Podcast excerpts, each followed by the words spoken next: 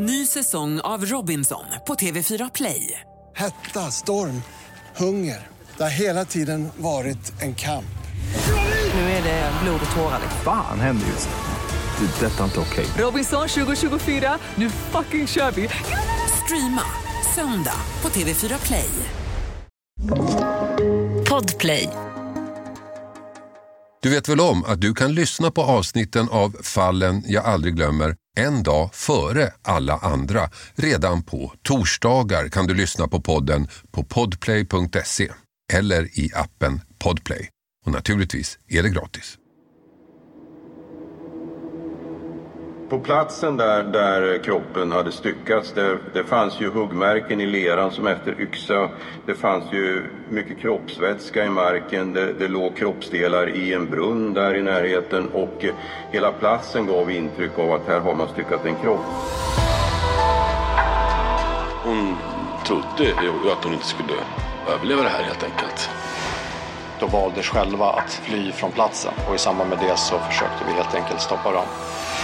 Det var såklart förfärligt att vara där under sex dagar. Jag tänker att hon hade en himla tur som kom ut därifrån.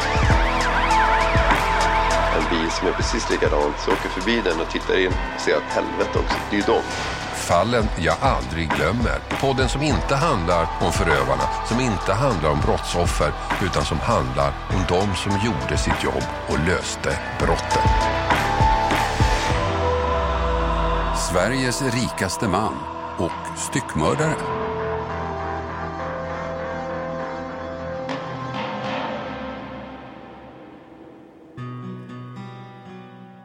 Jag tror det var 2005, den här höstkvällen när jag sitter ensam kvar på kontoret medan mörkret sakta faller utanför fönstret. Jag är rädd. Den här dagen ska jag träffa den då berömda brottslingen Maximilian Kartachev, dömd för många olika brott. Nu var han frisläppt och vi skulle ha möte om att eventuellt göra en dokumentär med honom. Men han kommer aldrig. Han ringer gång på gång och säger att han är försenad men dyker snart upp. Och timmarna gick. Arbetsdagen led mot sitt slut och sakta tömdes kontoret. Alla gick hem och nu satt jag där, väntade, ensam och av någon anledning rädd. Det kändes inte okej. Okay. Det kändes som om någonting var fel. Och då gör jag något jag aldrig har gjort vare sig förr eller senare. Jag ringer hem och säger att om jag inte hört av mig inom en timme, ring polisen. För då har något hänt. Men då, precis när jag lägger på, så ringer det på kontorsdörren och han är där. Och han har med sig sin flickvän, henne som han träffade på fängelset när han satt inne. Hon jobbade där som fångvaktare. Han lyckades skärma henne. Nu var båda jättefulla. Så det blev ett kort möte och ingen dokumentär. Något år senare dog han. Förmodligen var det relaterat till hans spritmissbruk. Men än idag kan jag bli lite konfunderad över min egen känsla, rädslan. För när han väl dök upp var det verkligen inte på något sätt hotfullt eller skrämmande. Mest patetiskt kanske. Han var en märklig man. Uppvuxen under enkla förhållanden i Finland, kom till Sverige, gjorde en till synes lysande karriär, blev en av de rikaste i landet. Charmig, vältalig, förförisk. Men också en man med en mörk sida, dömd för mord redan som 18-åring. Därefter ett liv kantat med våldsamma förhållanden med ett antal kvinnor, varav en hittades skjuten. Ett dödsfall som skrevs av som självmord. Men tvivlen levde kvar. Och pengarna han tjänade kom från illegal verksamhet och namnet var påhittat, liksom den titel han sa sig ha greve. Och det var under det namnet han blev känd i pressen. Greven. Första gången han dök upp i svenska tidningar var i början på 90-talet. Greven Kartachev blev dömd för inblandning i den tidens största ekonomiska svindleri, den som kallades för La Reine-härvan. Det var ett svindleri som gick ut på att låtsas köpa skalbolag, tömma dem på tillgångar och dessutom sno företagens skattemedel. Det handlade om stora pengar, över två miljarder kronor. Kartashev var inte huvudman i härvan. Hans jobb var att hitta skalbolagen som skulle köpas och tömmas. För det fick han hundratals miljoner. Ett tag kallades han Sveriges rikaste man. Men allt kollapsade och 1992 dömdes huvudmannen till sju års fängelse. Greven fick två år. Men när han kom ut hade han fortfarande gott om pengar. Han bosatte sig i en spatiös lägenhet, något märkligt placerad mitt i ett industriområde i Saltsjöbo i Nacka. Och här någonstans gifter han sig med Marita Pentinmäki, en kvinna han lärde känna redan innan han dömdes när hans liv stod på topp. Och här börjar den här historien.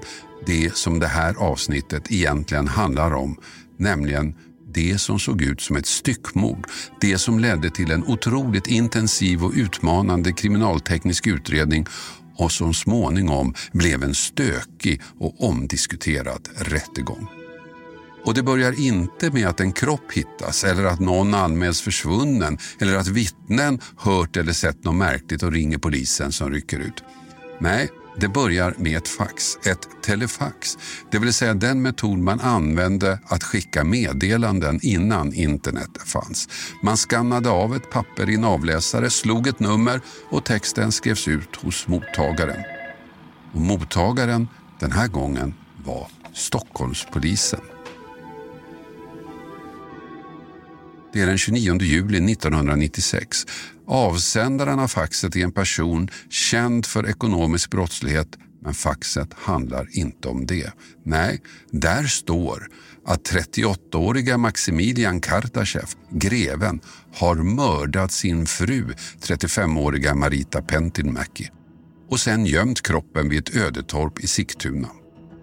Det är klart att det här faxet väckte utredarnas intresse men frågorna var många, jättemånga. Hur kunde man veta att det som stod var sant? Hade det skett ett mord överhuvudtaget? Och om en utredning skulle inledas, var skulle man börja?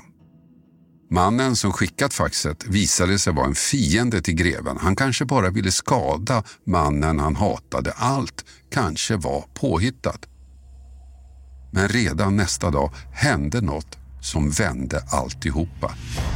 För då hittar några personer delar av en kropp.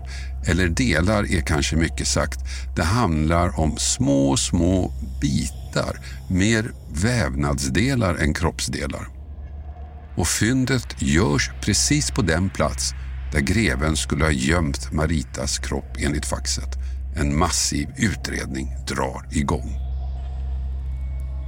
Kriminaltekniker skickas naturligtvis till platsen och fler och fler fynd görs. Fynd av små kroppsdelar, delar som såg ut som de kommit från en vedflis. En av dem som kom att jobba med fallet var kriminalteknikern Sonny Björk. För några år sedan intervjuade jag honom om den här händelsen. Jag hörde ju talas om det här att de var ute över här på helgen då och jobbade med det här fallet och eh, så jag hjälpte ju till lite grann inne på roten med, med eh, några få saker i sammanhanget men det var lite senare som jag kom in på allvar i ärendet. Mm. På mordroten, alltså inne på kontoret, arbetade utredarna med att försöka få uppgifterna i faxet bekräftade. De kroppsdelar som hittats var alldeles för små för att det skulle kunna gå att fastställa identiteten på offret. Men det som gick att få fram var att Marita Pentinmäki faktiskt var försvunnen. Hennes kompisar hade inte sett till henne på ett par veckor. Å andra sidan var det inte ovanligt att hon plötsligt gav sig iväg så ingen var egentligen riktigt orolig. Dagen efter de första fynden åker Sonny Björk till platsen och deltar aktivt i undersökningen. Där hittas fler och fler spår och ledtrådar. På platsen där, där kroppen hade styckats, där, det fanns ju bilspår eh, kan man nämna då som man kunde identifiera senare till, till ett fordon, till ett däck på ett fordon. Men det fanns ju huggmärken i leran som efter yxa. Det fanns ju mycket kroppsvätska i marken. Det, det låg kroppsdelar i en brunn där i närheten och eh, hela platsen gav intryck av att här har man styckat en kropp. Mm. Eh, I detalj hur den hade styckats det, det, det är svårt att säga men, men det hade säkert använts både såg, yxa och andra verktyg för att eh, ja, dela upp kroppen i så pass små delar.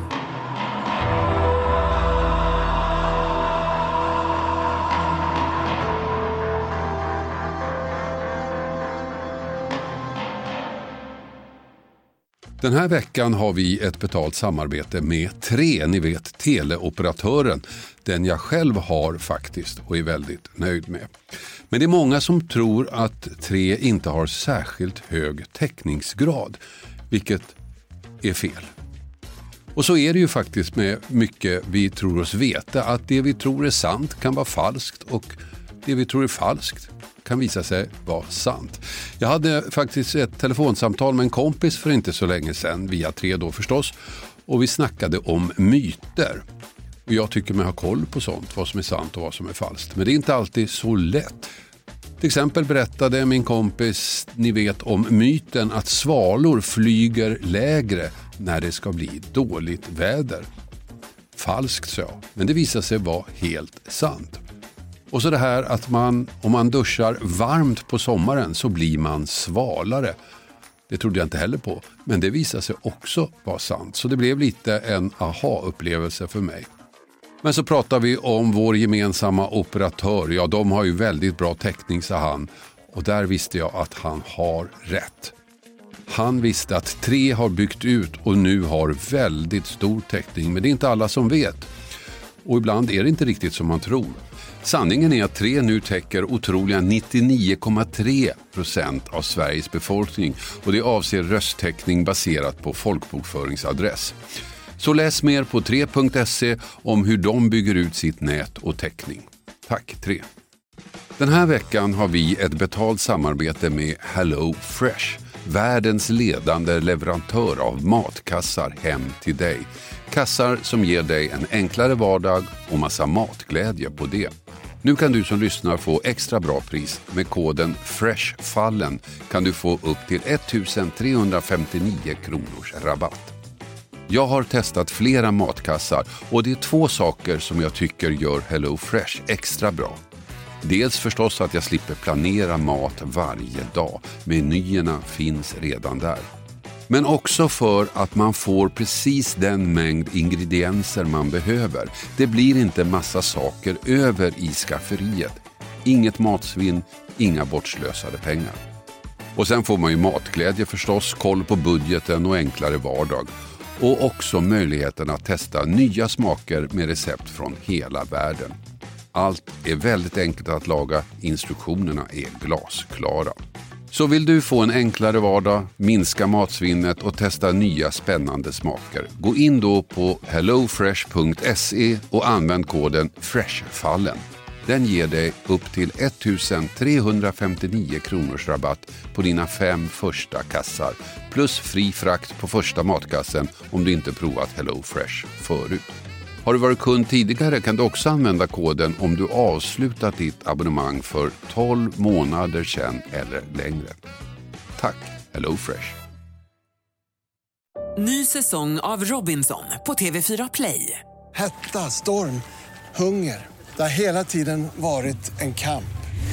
Nu är det blod och tårar. Fan händer just det. Det är detta inte okej. Okay. Robinson 2024, nu fucking kör vi. Streama söndag på TV4 Play. Ett poddtips från Podplay. I podden Något Kaiko garanterar östgötarna Brutti och jag, Davva, dig en stor dos skratt. Där följer jag pladask för köttätandet igen. Man är lite som en jävla vampyr. Man har fått lite blodsmak och då måste man ha mer. Udda spaningar, fängslande anekdoter och en och annan arg rant. Jag måste ha mitt kaffe på morgonen för annars är jag ingen trevlig människa. Då är du ingen trevlig människa, punkt. Något kajko, hör du på podplay. Därför är gardinerna. Och medan den tekniska undersökningen av brottsplatsen fortsatte så satte polisen ut spanare på att följa greven. De hittar honom på en adress i Stockholm, följer honom och får träff. Han möter upp tre yngre män som kommer i en bil som visar sig vara hyrd av Kartashev. Varför har han hyrt en bil åt dem? Antagligen för att de tillsammans har någon slags plan. De tre männen identifieras, alla är kända av polisen sedan tidigare. Dagen efter grips Maximilian Kartachev. Och samtidigt sipprar uppgifterna ut i pressen. En kvällstidning slår upp händelsen stort och artikeln är märkligt detaljerad med tanke på att kroppsdelarna precis hittats och Kartashev bara suttit anhållen några timmar. Men artikeln innehåller väldigt initierad fakta, fakta som rimligen bara polisen kunde känna till. Fakta som kommer att bli förödande i ett senare skede. Kartashev förhörs förstås. Men han säger sig inte ha någon aning om vart Marita tagit vägen. Hon har väl stuckit till Finland, säger han. Och där ser det ut att bli en lång utredning. För än vet ju inte polisen om det är Maritas kropp som hittats. De små kroppsdelarna har skickats till polisens kriminaltekniska centrum för analys men delarna är små, det är komplicerat, det kommer att ta tid. Så det enda som utredningen faktiskt slagit fast så här långt är att Marita verkar vara borta och att en död kropp har hittats. Men är det Maritas kropp? Är hon ens död? Och i så fall, hur har hon dött? Viktiga frågor, frågor som än så länge saknar svar. Frågor som i det här läget sätter stopp för utredningen. På brottsplatsen fortsätter sökandet efter fler delar. Det är ett absurt stort område som delarna spridits i. Men inga avgörande fynd, ingenting som bekräftar att det är Marita som ligger där. Det är då det händer. Som tur var så hittade man ju huvudet eh, i en hink då på en av platserna där ute och det kommer ju att ha ganska stor betydelse senare i ämnet. I en hink ligger alltså ett människohuvud och trots att den övriga kroppen mer eller mindre malts ner är huvudet förhållandevis intakt och fyndet gör att två saker står klara. Det ena, det är Maritas huvud. Hon är alltså död. Det andra, på huvudet kan kriminalteknikerna ganska snart se att hon blivit skjuten. Så nu har förhörsledarna något att pressa greven med. Han nekar först, men åklagaren tycker sig ha tillräckligt med bevis. Kartachev delges misstanke om mord. Och då gör han något väldigt ovanligt. Han begär att få bli omhäktad av domstolen och där i domstolssalen kommer han med en helt ny berättelse. Han medger att han visste att Marita var död hela tiden och han visste att hon dött av ett pistolskott och han var på platsen när det hände. Men det var inte han som sköt, det var hon. Hon tog sitt eget liv. Enligt hans berättelse hade de två haft ett väldigt stormigt gräl. Ett gräl som slutar med att Marita plötsligt drar fram en pistol och skjuter mot Kartashev. Skottet missar och går in i en spegel. Därefter vänder hon pistolen, stoppar in den i sin mun och skjuter sig själv. Så här berättade Sonny Björk när jag intervjuade honom för en tid sedan. För Kartachev hävdar ju att han, han kommer hem och kommer in genom dörren. Då ser han att Marita Pentimäki sitter i soffan med ett skjutvapen. Och han frågar, vad fan gör du? Och eh, hon säger, jag ska ta livet av mig. Och då börjar han gå mot henne. Då skjuter hon ett skott från soffan som då tar i spegeln där. Sen stoppar hon pistolen i mun, säger han. Och då rusar han fram till henne och det blir ett handgemäng om vapnet när hon har pistolpipan i munnen. Ett skott går av. Och alltså att hon själv skjuter sig då i det sammanhanget. Mm. Och eh, sen blir hon liggande i soffan då menar han på. Det är hans förklaring till hur det har gått till då. Så Kartashev menar att Marita tog sitt eget liv. Han har ingenting med det att göra. Han säger också att han lät kroppen ligga i lägenheten några dagar. Sen ringer han en kompis och tillsammans gömmer de den i skogen. Men vad kompisen hette, det vill han inte tala om. Så nu har alltså utredarna en ny berättelse att ta ställning till. Ett nytt scenario som kan vara falskt men faktiskt också kan vara sant.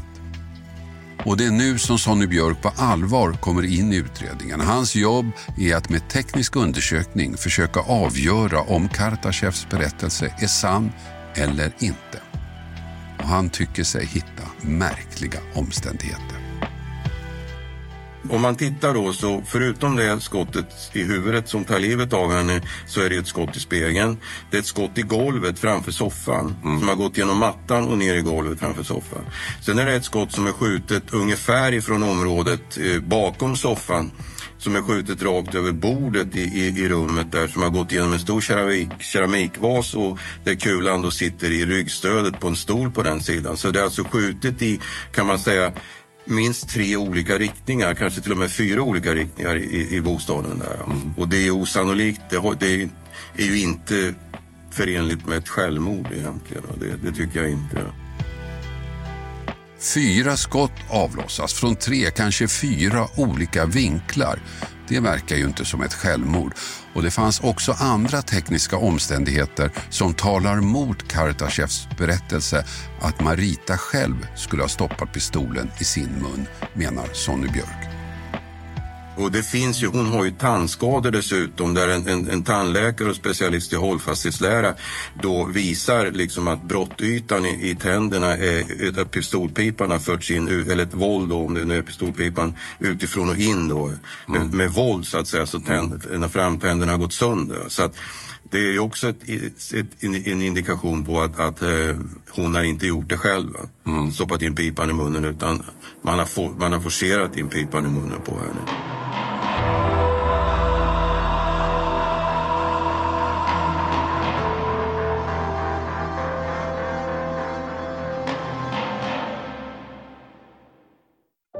Säsong av Robinson på TV4 Play. Hetta, storm, hunger. Det har hela tiden varit en kamp. Nu är det blod och tårar. Fan händer just nu. Det. är Detta är inte okej. Robinson 2024, nu fucking kör vi! Streama söndag på TV4 Play.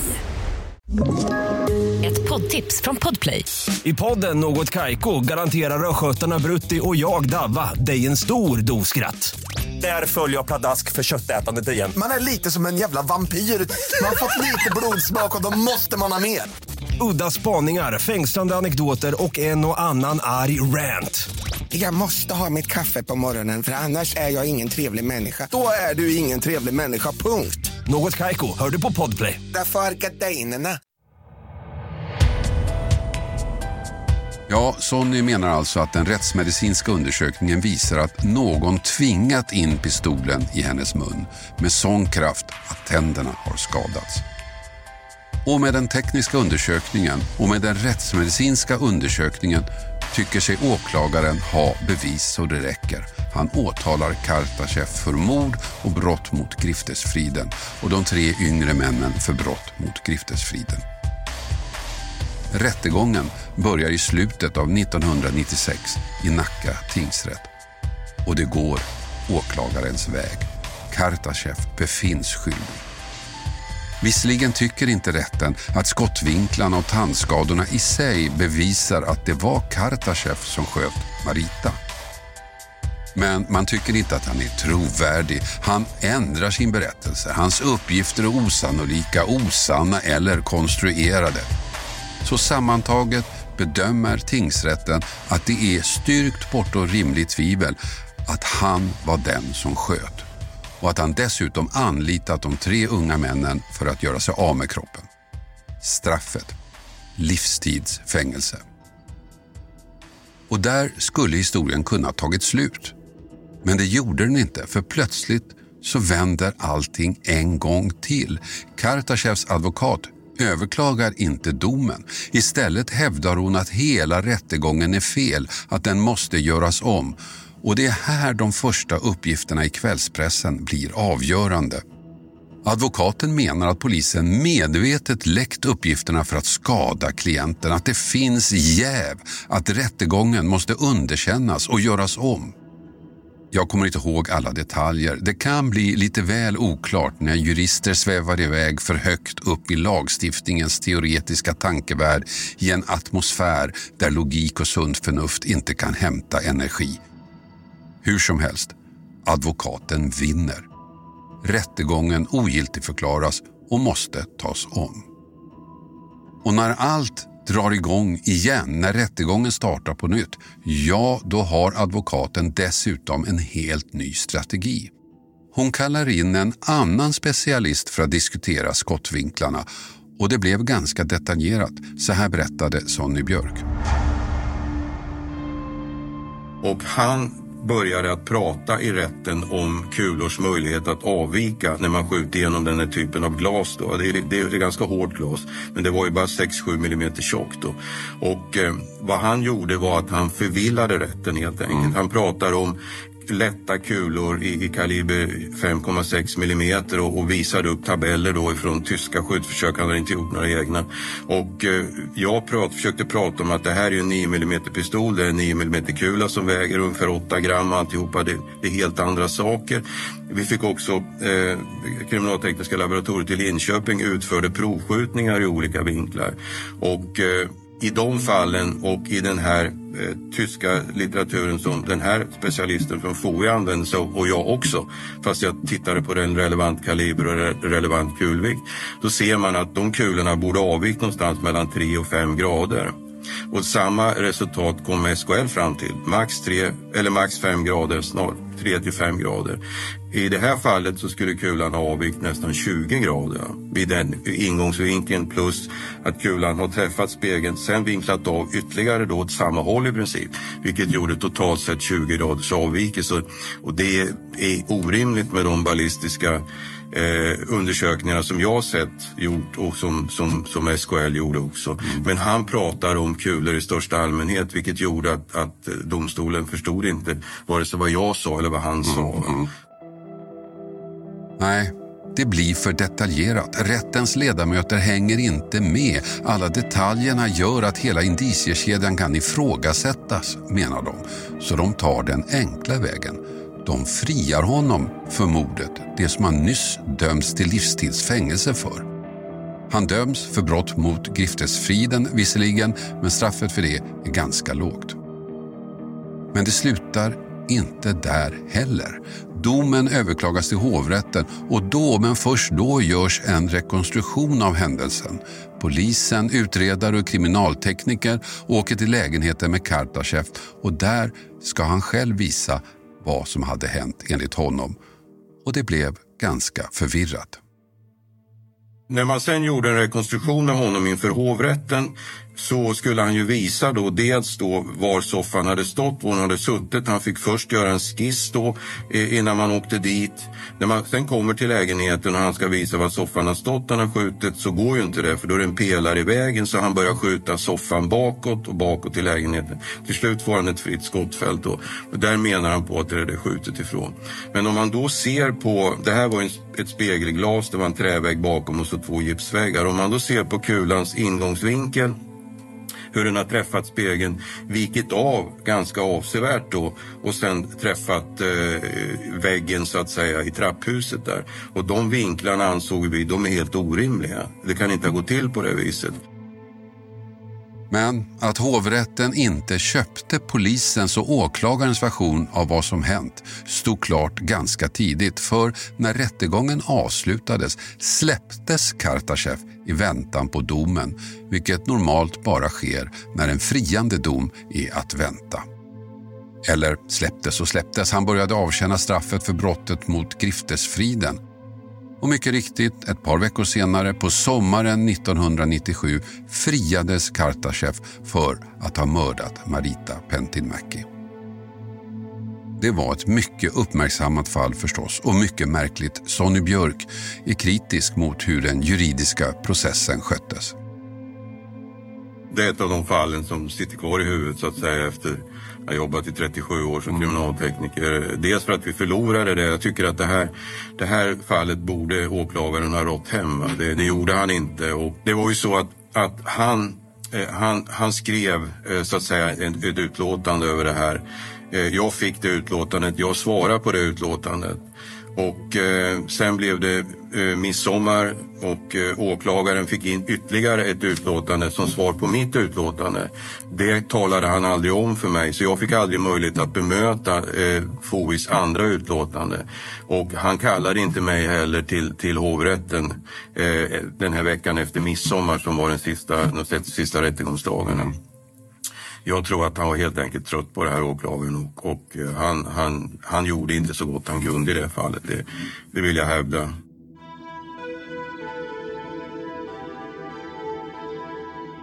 Ja, straffet för styckningen satt Kartachev av, men det var inte så långt. Han var ute efter något år och körde igång igen. Bytte namn igen, slutade hävda att han var greve, inledde ett nytt förhållande, nu med kvinnan som jobbat som fångvårdare, började med ekonomiskt fiffel igen. Och tog upp sitt missbruk, också det igen. Och det var i den här vevan som jag träffade honom. Ett möte som inte ledde till någon dokumentär. Men inte lång tid efter vårt möte började polisen spana på honom igen. Nu misstänktes han för nya ekonomiska brott liknande de i Larenne-härvan. Brott som gett honom väldigt mycket pengar. Han skulle gripas men problemet var att ingen visste vad han var. Inte ens vilket namn han använde sig av. Och så, i början av 2007, nåddes polisen av ett märkligt rykte. Att Maximilian Kartashev var död. Att han skulle avlidit på ett sjukhus i Norrköping. Men när uppgifterna kollades upp hittade man ingen Kartashev inskriven på sjukhuset. En annan person i rätt ålder men med ett annat namn hade visserligen avlidit. Och när man kollade upp honom visade det sig att han hade bytt namn. Inte bara en, utan flera gånger. Så man spårade bakåt, namn efter namn. Och till slut visade det sig att ryktet var sant. Det var Kartasjev som hade dött. Han skulle ha fyllt 50 år det året.